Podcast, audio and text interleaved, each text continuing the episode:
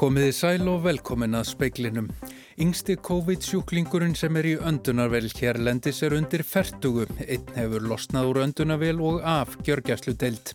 Heilbreyðisráð þar hefur miklar áhugjur af stöðu hjúkruna fræðinga og segir að til greina komi að greiða heilbreyði starfsfólki sérstakann álags auka. Ríkisáta sem er segist vongóður um að það þókist í samkominlagsátt á sáttafundi sem hann hefur bóðað á mánudag í kjaradeilu hjúkruna fræðinga og ríkisins. Gert er ráð fyrir að rúmlega 46.000 manns verði ánvinnu eða í skertu starfslutfalli í aprílmánuði. Fjármálar á þeirra segir að ástandi vegna faraldur sinns vestni dag frá degi og ríkistjórnin sé að huglega næstu skref. Fastegnaveldi Donald Trumps bandaríkja fórseta hefur leitað ásjár Deutsche Bank og beðið um greiðslufrest á lánum. Fastegnaveldið tapar jafnverði 100 miljóna króna í viku hverri. Umsjónamaður speilsins er Pálmi Jónasson. Alls hafa 1364 Íslendingar grenst með COVID, ríflega 300 þeirra er batnað. Sá sem fyrstur þurfti önduna vel er nú laus úr henni og af gjörgjæslu. 43 liggja á landspítalanum og tveir á sjúkrásun á Akureyri. 12 er á gjörgjæslu og nýju þeirra í önduna vel þar að veitna á Akureyri. Sá yngsti sem er í önduna vel er undir fertugu. Alma Möller, landlæknir, segir að fólk á öllum aldri geti vext. Í raun getur fólk á öllum aldri vext og vext alvarlega en það er mjög fátítt undir 30 og reyndar undir 40 en kemur þó fyrir og síðan auðvitað bara ekst áhættan með hækkandi aldri. Og hverjir eru helstu áhættu þættir? Það sem við vitum frá gögnunum í Kína, þar kom fram háþrýstingur og hjart- og æðasugdómar, sigursíki, krabbamein og síðan alvarlegir livrar og nýrnasugdómar. Þetta var það sem þeir tiltóku. Segir Alma Möller, Alma Ómarsdóttir talaði við hana. Hjúkrunafræðingur sem sinnir COVID-sjúklingum á landsbítala segir einna erfiðast hversu óutreiknanlegur sjúkdómurinn er. Hún segir að það sé sérstakt að þurfa að klæðast sóttvarnarbúningi við ummönnun sjúklingana og eflaust erfitt fyrir þá líka. Mikið mæðir á starfsfólki í landsbytula um þessar myndir, sér í lagi á þeim deildum sem hafa verið lagðar undir COVID-sjúklinga. Starfsfólk þarf að klæðast lífðarbúningi við störf sín með grímu fyrir vitum og augum til að fyrirbyggja smitt. Solveig Gilvadóttir er hjókrunafræðingur á smittsjúkdómadeild. Það er alveg svolítið sérstækt að sína sjúklingum svona upp á klættur. Um, það er okkur erfitt fyrir þá líka að fá undir sín svona klættir eins og geimfara. En við reynum bara að gera okkur besta og reynum að glæði það og hérna bara sína stöðning og þetta er náttúrulega bara erfið tímar fyrir bæði sjúklingana og fyrir okkur líka. Hún segir að starfsfólkið reynaði að veita hvert öðru styrk og eins sjúklingunum. Ég hef alveg grátið því að ég kom til bíl og svona en, hérna, en þetta er tímabundið ástand og þetta gengur yfir og já, maður fær náttúrulega rosalega góðan stöðning líka í vinnunni. Segir Solveig Gilvadóttir en nánar er rætt við hann í sjónvarsfréttum.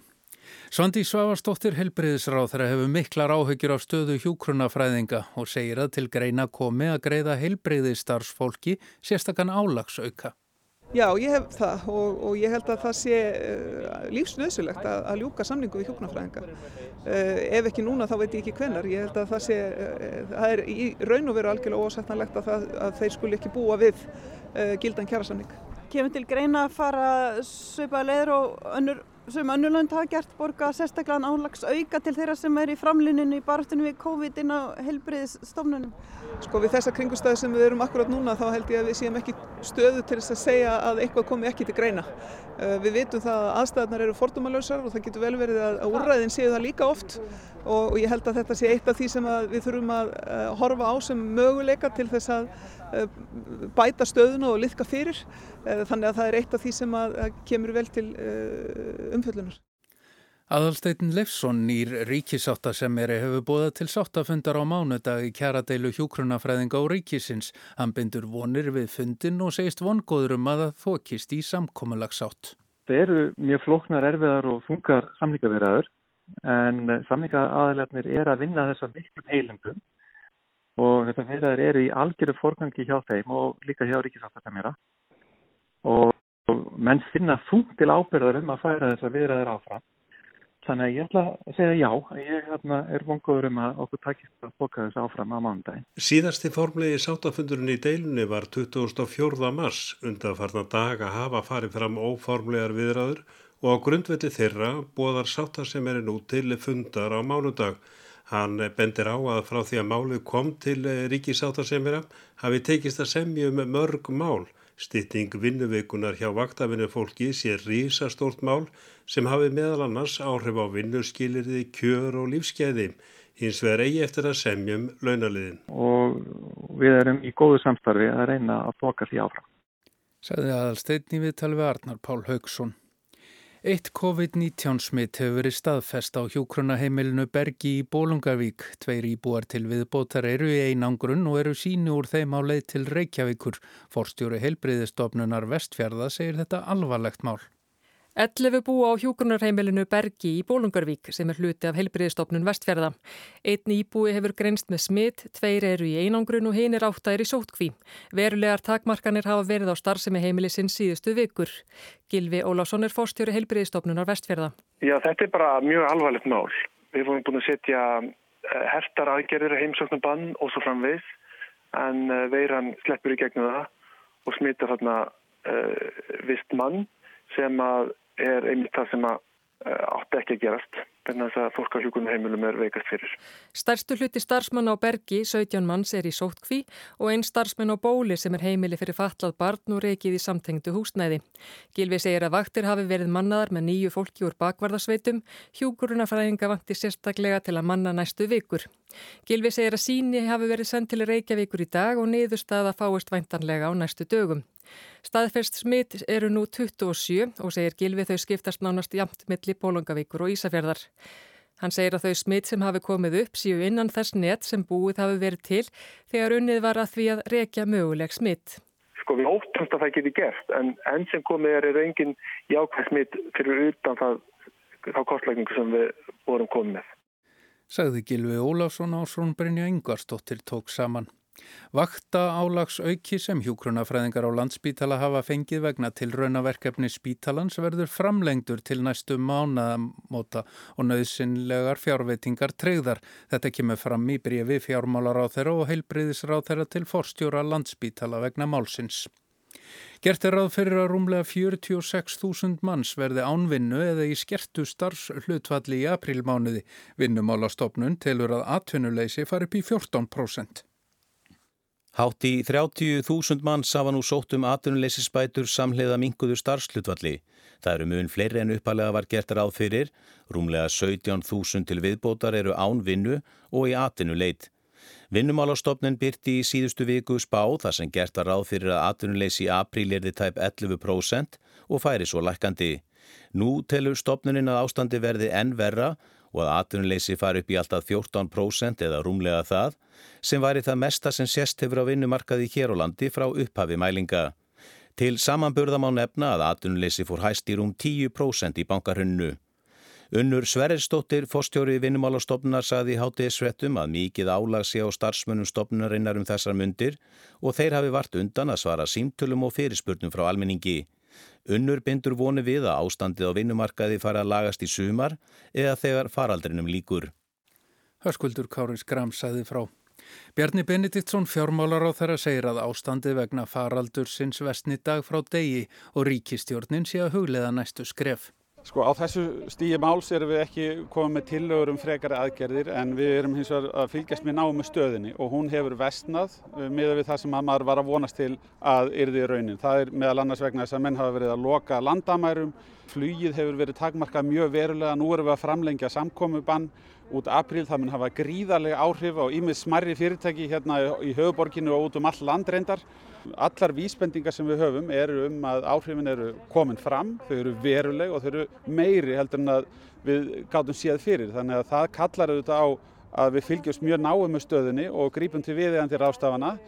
Í byli höfum við skapað skjól og við erum bara frá degi til dags að horfa á eh, næstu mögulegu skref.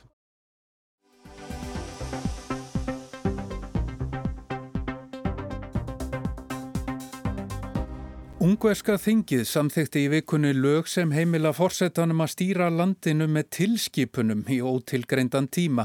Hann segir það nöðsynlegt í baráttu við COVID-19 farsóttina. Eirikur Bergmann Einarsson er professor í stjórnmálafræði. Velkomin Eirikur. Orban virðist með þessu vera búin að taka sér allræðisvaldi í skugga faraldursins og, og það ótíma bundið. Já, það blasir við að uh, eh, svo þróun sem hóst fyrir um tíu árum þegar að uh, Orbán uh, hóf þessa vekkferð svona af vegi hins frjálslinda líðræðis og átt til svona aukins hardræðis ef að svo má segja og valdbóð stjórnar er nánast fullkomnað með þessari breytingu sem að núna varð Eh, og samþitt með tveimu þriðja í þinginu eh, þar sem að hann er bara komið með eh, nánast reynd allræðisvald og það sem auðvitað vekur aðtegli er að þessi lög eru sérstaklega ótímabundin og eh, fela í sér mjög viðtakar heimildir fyrir fórsetan til þess ekki bara stjórna með tilskipunum eins og þú nefnir heldur líka að eh, refsa mönnum fyrir að flytja upplýsingar sem að stjórnvöldum er ekki þóknarleg og ímislegt svona annað sem að í þessu, þessu fylgir sem að rauninni afgerir frálsnett líðræði í Ungverjalandi eh, til, um, ég maður veit ekki hvort það sé til frambúðar en allavega er það eh, aðtiklisvert að þessi neyðarlög eru ekki tímabundin. Og það er alltaf fimm ára fangelsi fyrir að dreifa raungum eða villandi upplýsingum að mati stjórnvalda. Þetta hljómar ekki vel fyrir stjórnaranstæðinga eða bladamann. Nei, akkurat og öll grínin umræða er þar með uh, hægt að kæfa hana Sko ástæðin fyrir því að maður hefur, uh, getur haft á, áhyggjur af þessari þróun er að sko fordæmin fyrir því þegar að líðræði er afnumið er um eitt yfirleitt sko þá er það gerist það gætna eitthvað neins svona. Við þekkjum auðvitað alls konar byltingar og uppreysnir sem að leiða til afnámslýðræðis en síðan eru bara fjölmörg dæmi þess að í krísu ástandi að þá nái valdbóðs, uh, valdbóðsöfl að uh, afnema uh, líðræði með í rauninni líðræðislega líðræðislegum aðferðum eins og hérna er verið að gera. Þetta er það að líðræðislega kjörin stjórnvöld sem að breyta lögum sem að fá líðræðislega afgreyslu á þingi en fela það í sér að líðræðið er afgjert. Þetta hefur séð víða eiga sér stað í, eh, til að mynda í Rómunsku Ameríku og svo auðvitað í eh, Evrópu á fyrri tíð. Eh, þannig að það er full ástæða til þess að fylgjast eh, vel með þessari þróun. Við höfum auðvitað sér líka Rúsland í rauninni fara þessu sömu leið. Eh, það er þróun sem hefur gengið lengra og á sér kannski svona lengri aðdraganda. Þannig að, að sko fordæmin eru þess eðlis að að það er uggur í mörgum en það sér maður þá viðbröðum til dæmis innan Evrópusambansins þar sem að 13 aðeldaríki þess er rauninni öll aðeldaríkin í vestur Evrópu svona þessum hefbundu gömlu frjálstindu líðræðisríkjum mótmæla þessari gjörð og í rauninni sko þverrbrítur Ungverjaland núna uh, aðildar skilirði að Evrópusambandinu uppfyllir kvorki kröfuna um virtlýðræði nýja réttaríkið Og þetta er að gerast víðar, þú nefnir eh, Rústland þar sem að Putin er að taka sér meiri völd og tryggja sér möguleikan á að vera lengur menn af áhyggjur af þessi mm. í Slovakíu, í Pólandi var bara kostningalögjöfunu breytti við nótt til þess að tryggja að fórsetakostningarnar fari fram 10. mæ eins og raðgert var og í þessu umhverfi þá getur bara engin rekið kostningabarátu gegn fórsetanum Andrei Duda. Nei, við höfum séð, sko, ef við skoðar þessa þróun í, í Evrópu, frá frjálslindu líraði og til harræðis, þá hefur, eins og við nefnum, sko, lengst gengið í Rúslandi, síðan hafa ungverja verið strax þar á eftir, en í kjölfar ungverja hafa, uh, sko, pólverjar verið á nákvæmlega sömu leið. Til dæmis með því að, um, uh, sko, ná tökum á, á réttarkerfinu, breytingum á stjórnarskrá og svona að auka bóðvald uh, ríkis ríkistjórnarinnar og núna er bara gengið enn lengra í nákvæmlega sömu átt líka í Pólandi þannig að við sjáum uh, svona mjög skýra þróun í átt til uh, valbóðstjórnar viða í, í Evrópu þar sem hvert ríkið og fætur öðrum sérstaklega í Östur-Evrópu uh, er að færast í þessa átt og krísa sem þessi gæti sko búið til gjá á nýja leik í gegnum Evrópu. Við þekkjum það auðvitað þegar að að, að hérna, tjaldið var hétt og skipti álfunni í tvent og síðan eftir fall Berlínamúsins að þá færðust þessi ríki öll svona í svipaða áttu inn á, inn á sko þetta róf frjálsnindslýraði sem eru þetta viðfemt og breytt og allt það en núna er þessi, erum við að horfa upp, upp á þess að gjá kannski koma á nýjanleik þar sem að harstjórna tilburðir eru mun meiri austan megin. En það er kannski önnur hlið á þessum peningi, austantalslöndin þráðu í áratugja að komast undan uh, svona ægivaldi Sovjetríkjana og komast í faðmlýðræðisríkjana og, og komast inn í Sjengen, opinn landamæri hafa hins vegar ekki reynst mörgum löndum vel. Það er mikill vilji í mörgum austantjálslöndum bæði til þess að halda fólki úti, þeir vilja ekki fá flótamenn og svo víðri, mm -hmm. en það er líka til þess að halda eigin landsmönnum inni því að þessar þjóðir hafa átt við gríðarlegan spekileka að etja, lærða fólki, læknar, hjúgrunafólk, þeir flýja í stórum stíl í faðum vestursins Jú, jú, það er alveg rétt. Það hefur verið gríðalegur uh, atgerðisflóti frá þessum löndum vest, vestur yfir um, en þau, það hefur hins vegar ekki að samaskapi verið neyn samsvarandi innflytjenda ströymur þá frá öðrum utanakomandi svæ, svæðum. Jafnvel þrátt fyrir að þessi ríki hafi sett upp alveg gríðalegar gerðingar, gagvart uh, flótamönnum og, og innflytjendum annar staða frá að þá er hlutfall uh, slíkra í þessum ríkjum yfirleitt mjög látt miða við það sem að gengur og gerist í, í, í vestur Evrópu þannig að þetta er svona ofta á, á einhvers konar þjóðurnislegum grundvelli og til að mynda í Ungverilandi er verið að fara að stað með gríðarlega prógrum um að hvetja til aukina barnegnar vegna þess að þeir vilja frekar sko um, að þjóðin vaksi innanfrá heldur en uh, utan að komandi. En þetta eru svona fordamalausir tímar, eh, líðræðis hefðinn svona í austur hlutanum þar sem, að, þar sem að þessi þróun á sér stað núna í átt til einræðis.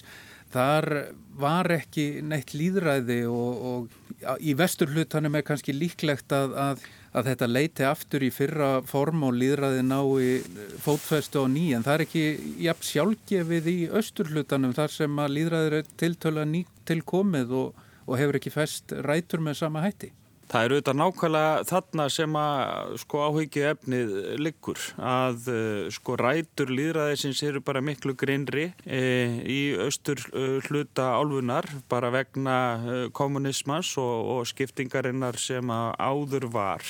Og kannski er sko helst að sækja einhvers konar samanburð eða, eða sko fordæmi til Róminsku Ameríku þar sem við höfum séð svona tiltöla veikburða ungliðræðisríki hafa hafa horfið inn í harraði á nýja leik eins og til að mynda við höfum hort upp á í Venezuela núna undafarið undir uh, fyrstjórn Hugo Chávez og, og, og það, það er svona þar sem við höfum séð valdbóðsöfl vinstra megin sækja í sig veð, veðrið þar sem að til að mynda þingið var bara uh, sniðgengið og, og menn sett á fót sitt, uh, sitt eigi þar sem að stjórnvöld sett á fót sko bara annað þing undir þeirra eigin stjórn og það sama sáu síðan hinum megin sko hins pólitíska hryggjar, það er að hægra megin frá í Peru sem að Alberto Fujimori á sínum tíma bara afnám stjórnaskrána og, og, og koma á uh, hardræði undir, undir sinni stjórn. Og alltaf er þetta gert í kjölfarið á einhvers konar krísu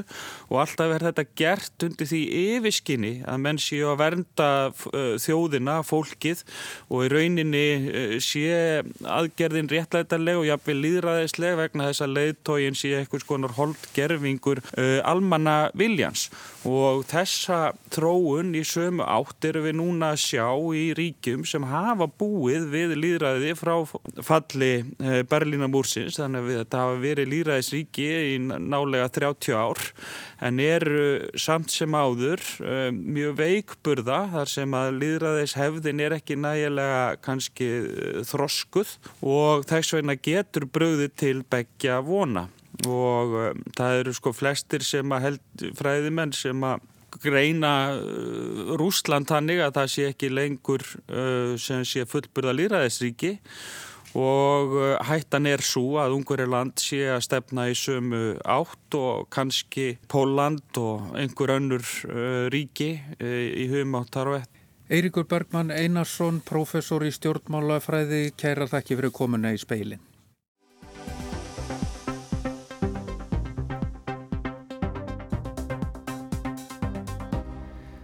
Fastegnaveldi Donalds Trumps bandaríkjaforsetta hefur leitað ásjár Deutsche Bank og beðið um greiðslufrest á lánum. Samsteipa Trumps er eina fyrirtækið í bandaríkjónum sem ekki má sækja um aðstóði björgunarsjóð sem bandaríkjaþing samþykti að stopna í síðustu viku. Viðskiptaveldi Trumps, The Trump Organization, rekur fjölda hótela og golvalla. Rétt eins og hjá öllum öðrum fyrirtækjum í ferðarþjónustu þá hefur rekstur þeirra þingst verulega eftir að COVID-19 farsóttun bröst út. Talið er að samsteipa Trumps tapi nálagt 700.000 bandaríkjadölum á viku, andvirði 100 miljóna íslenskara króna.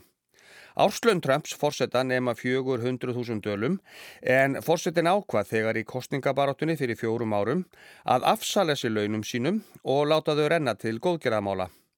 Það gefur því auga leið að á meðan hann þykkur ekki laun og fyrirtækja samsteipan tapar 100 miljónum á viku þá er á brattana sækja. Bandaríkjaþing samþykti í síðustu viku að stopna til Björgunarsjóðs fyrir fyrirtæki sem verða fyrir harkalegri ágjöf vegna COVID-19 farsóttarinnar. Þingið setti hins vegar eitt skilirið fyrir því að samþykja stopnun sjóðsins. Kvorki Trump, nýja fyrirtækjans, meiga sækja um aðstóð í sjóðin. Trump samsteipan hefur því sé sér þann kostin vænstan að leita á náður viðskiptabankansins Deutsche Bank og byggja um greiðslufrest á lánum sínum. Viðskiptasamband Trumps og Deutsche Bank nær áratugju aftur í tíman. Frá árinu 1998 hefur Deutsche Bank lánað Donald Trump og fyrirtækjum í hans eigu um 2 miljardar bandaríkjadala. Bankin er eina stóra fjármálastofnuninn sem hefur verið tryggur lánadróttin Trumps. Þegar Trump tók við fórsetaðanbættunum skuldaðan bankanum 350 miljónur bandaríkjadala. Megnið af þeim fjármunum fekk hann lánað á árunum 2012 til 2015 til að fjármagna uppbyggingu golvallar í Flórida og luxushotels í Washington. Þar sem viðskiptasaga Trumps fram að þeim tíma var vörduð sviknum lofordum og gjaldþrótum krafðist Deutsche Bank þess að fá veð í persónlegum eignum Trumps sem þýðir að geta hann ekki staðið við afborganir af þessum lánum getur bankin gengið að persónlegum eignum hans. Bankin er hins vegar í nokkuri úlva kreppu þegar kemur að innheimtu skulda Trumps ef til greiðslufalls kemur. Það er ekki sérlega aðlegandi kostur að gera fjárnám hjá sjálfum forsetta bandaríkjana. Að láta það hins vegar vera getur verið jafn slæmt. Það mætti tólka sem gjöf til forsettans og væri ólöglugu gjörningur sem vart færi fram hjá stjórnvöldum. Svona í ljósið þess að domsmálaráðuniti bandaríkjana rekur eins og er sakamálaransókn gegn bankanum. En er ekki vita hvort Deutsche Bank verður við beðinni Trump fjölskyldunar. Þessi staða dregur hins vegar upp skýra mynd af því af hverju forseti voldugasta ríkis heims á ekki að standa í fyrirtækjarekstri á sama tíma og hann vinnur við að reka heimsveldi. Það er því vona spurt sé, eiga lánadrottnar bandaríkjafosta á hættu að eignast voldugan fjandmann ef þeir sinja fyrirtækja hans um fyrirgreyslu. Jóhann Hlíðar Harðarsson tók pestilinn saman en hann er byggður á umfjöllun New York Times og Der Spiegel.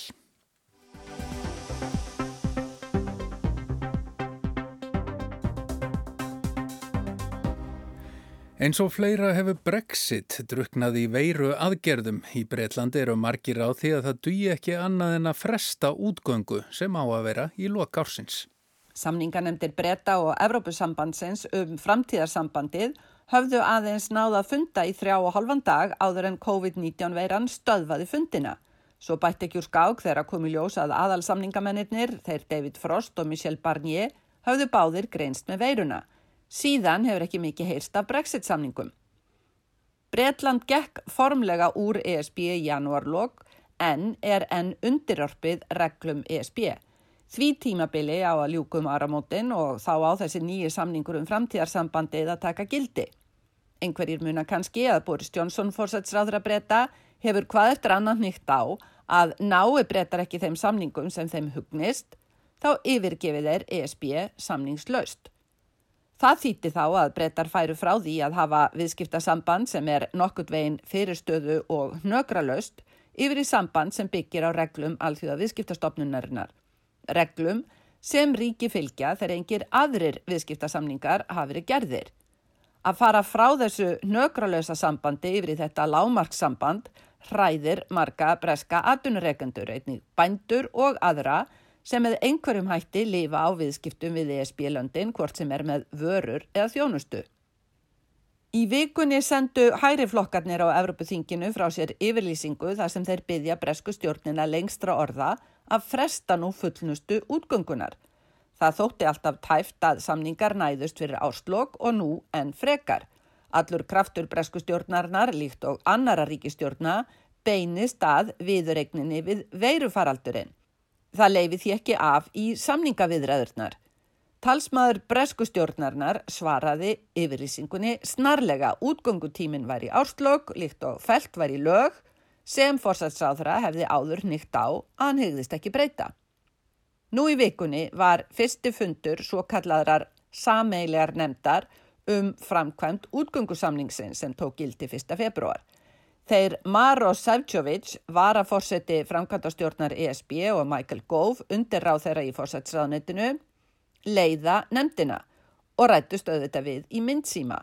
Ímsir írskir embetsmenn voru með aug breskra embetsmanna sem fara með málefni Norður Írlands og já, segir sitt um að írsk málefni voru einmitt ofarlega á bladi. Í bresku yfirlýsingunni eftir fundin var undistrykað að brettar tækju fullkomlega mið af friðarsamningnum um Norður Írland og svo útgöngusamningnum varðandi fyrirkomulagið á landamærum Írlands og Norður Írlands. Yfirlýsing ESB var öllu kvassari. Útgöngusamningurinn hvæði skýrt á um lagalegar skuldbindingar begja aðila sem er það framfylgjónum af festu og aga. Báðir aðilar varu sammala um mikilvægi þess að brettar útskýrðu hvernig þeir ætluð að framkama samkómulagið um Írskulandamærin. Sjálfur samningarnir um framtíðarsamkomalagið býða. Í bresku samninganemdini eru um 100 mann skiptast í teimi líkt og ESB megin, menn geta seint undirbúningsvinnu að heiman en okkur ljósta sjálfar samningaviðræðarnar krefjast viðveru. Í samþæktingu veirufaraldursins og Brexit verðast tveir ógóðir kostir blasa við fórsætsráðura. Haldi Johnson sínu striki og breytar yfirgefi ESB nú í árslokk án samninga má búast við nokkuð hörðum efnahagsskell sem kæmi þá ofan í óhjákvæmilegt efnahags áfall af völdum veirufaraldursins. Johnson gæti vissulega viðurkenda vegna veirufaraldursins sé frestun óhjákvæmileg en þá væri hann um leið að viðurkenna að veiran gæti haldið þjóðlífinu í einangrun lengur en hann hefur viljað viðra hinga til. Tveir afar slæmir kostir en stjórnmálaskýrendur telja margir hverjir að fórsætsræðra hafi í raun eingra kosta völ. Hann verða á endanum að fresta útgöngu því ekkert getur réttlægt að leiða þjóðina út í annað og þá heimasbrottið efnags áfall beint ofan í veiru áfallið. Líklega spurningum tíma hvenar fórsætsræðra getur viðurkent þetta fyrir sjálfum sér og þjóðinni. Ríkistjórnin hefur þegar þurkað út orðið Brexit úr orðaforða sínum og nefnir Evrópu og ESB sem allra minnst. Engin viljið til að taka þátt í fundi Evróskra heilbriðsráð þeirra um veiruna þó breska ráðaranum var í bóðið. Einnig fréttist að brettar hefðu mist af samfloti Evrópu þjóða um innkaup á öndunarvélum sem sárlega vantar hér. Breska stjórnin saði þetta bara handvömm, tölvupostur um samflotið hefði misfarist í fórsætsráðnitinu. Hvort það var í raun skýringin er annað mál það að leiða hjá sér ESB samvinu, jafnvel þegar um er að ræða jafn brínt mál og veirufaraldurinn, virðist almennt vera stefna bresku stjórnarnar á brexit tímum. Og já, þeir eru ekki liðnir. Sagði Sigrún Davidsdóttir, en í speiklinu var þetta helst yngsti COVID-sjúklingurinn sem er í öndunavél hérlendis er undir fertugu. Heilbriðis ráþherra hefur miklar áhugir á stöðu hjúkrunafræðinga og segir að til greina komi að greiða heilbriði starfsfólki sérstakann álags auka. Gert er ráð fyrir að rúmlega 46.000 manns verði ánvinnu eða í skertu starfshlutfalli í aprilmánuði. Fjármálaráþherra segir að ástandi vegna faraldursins vestni dag frá degi og ríkistjórnin sé að huglega næstu skref. Það er ekki fleira í speiklinum, tæknimaður var Ragnar Gunnarsson, verðið sæl.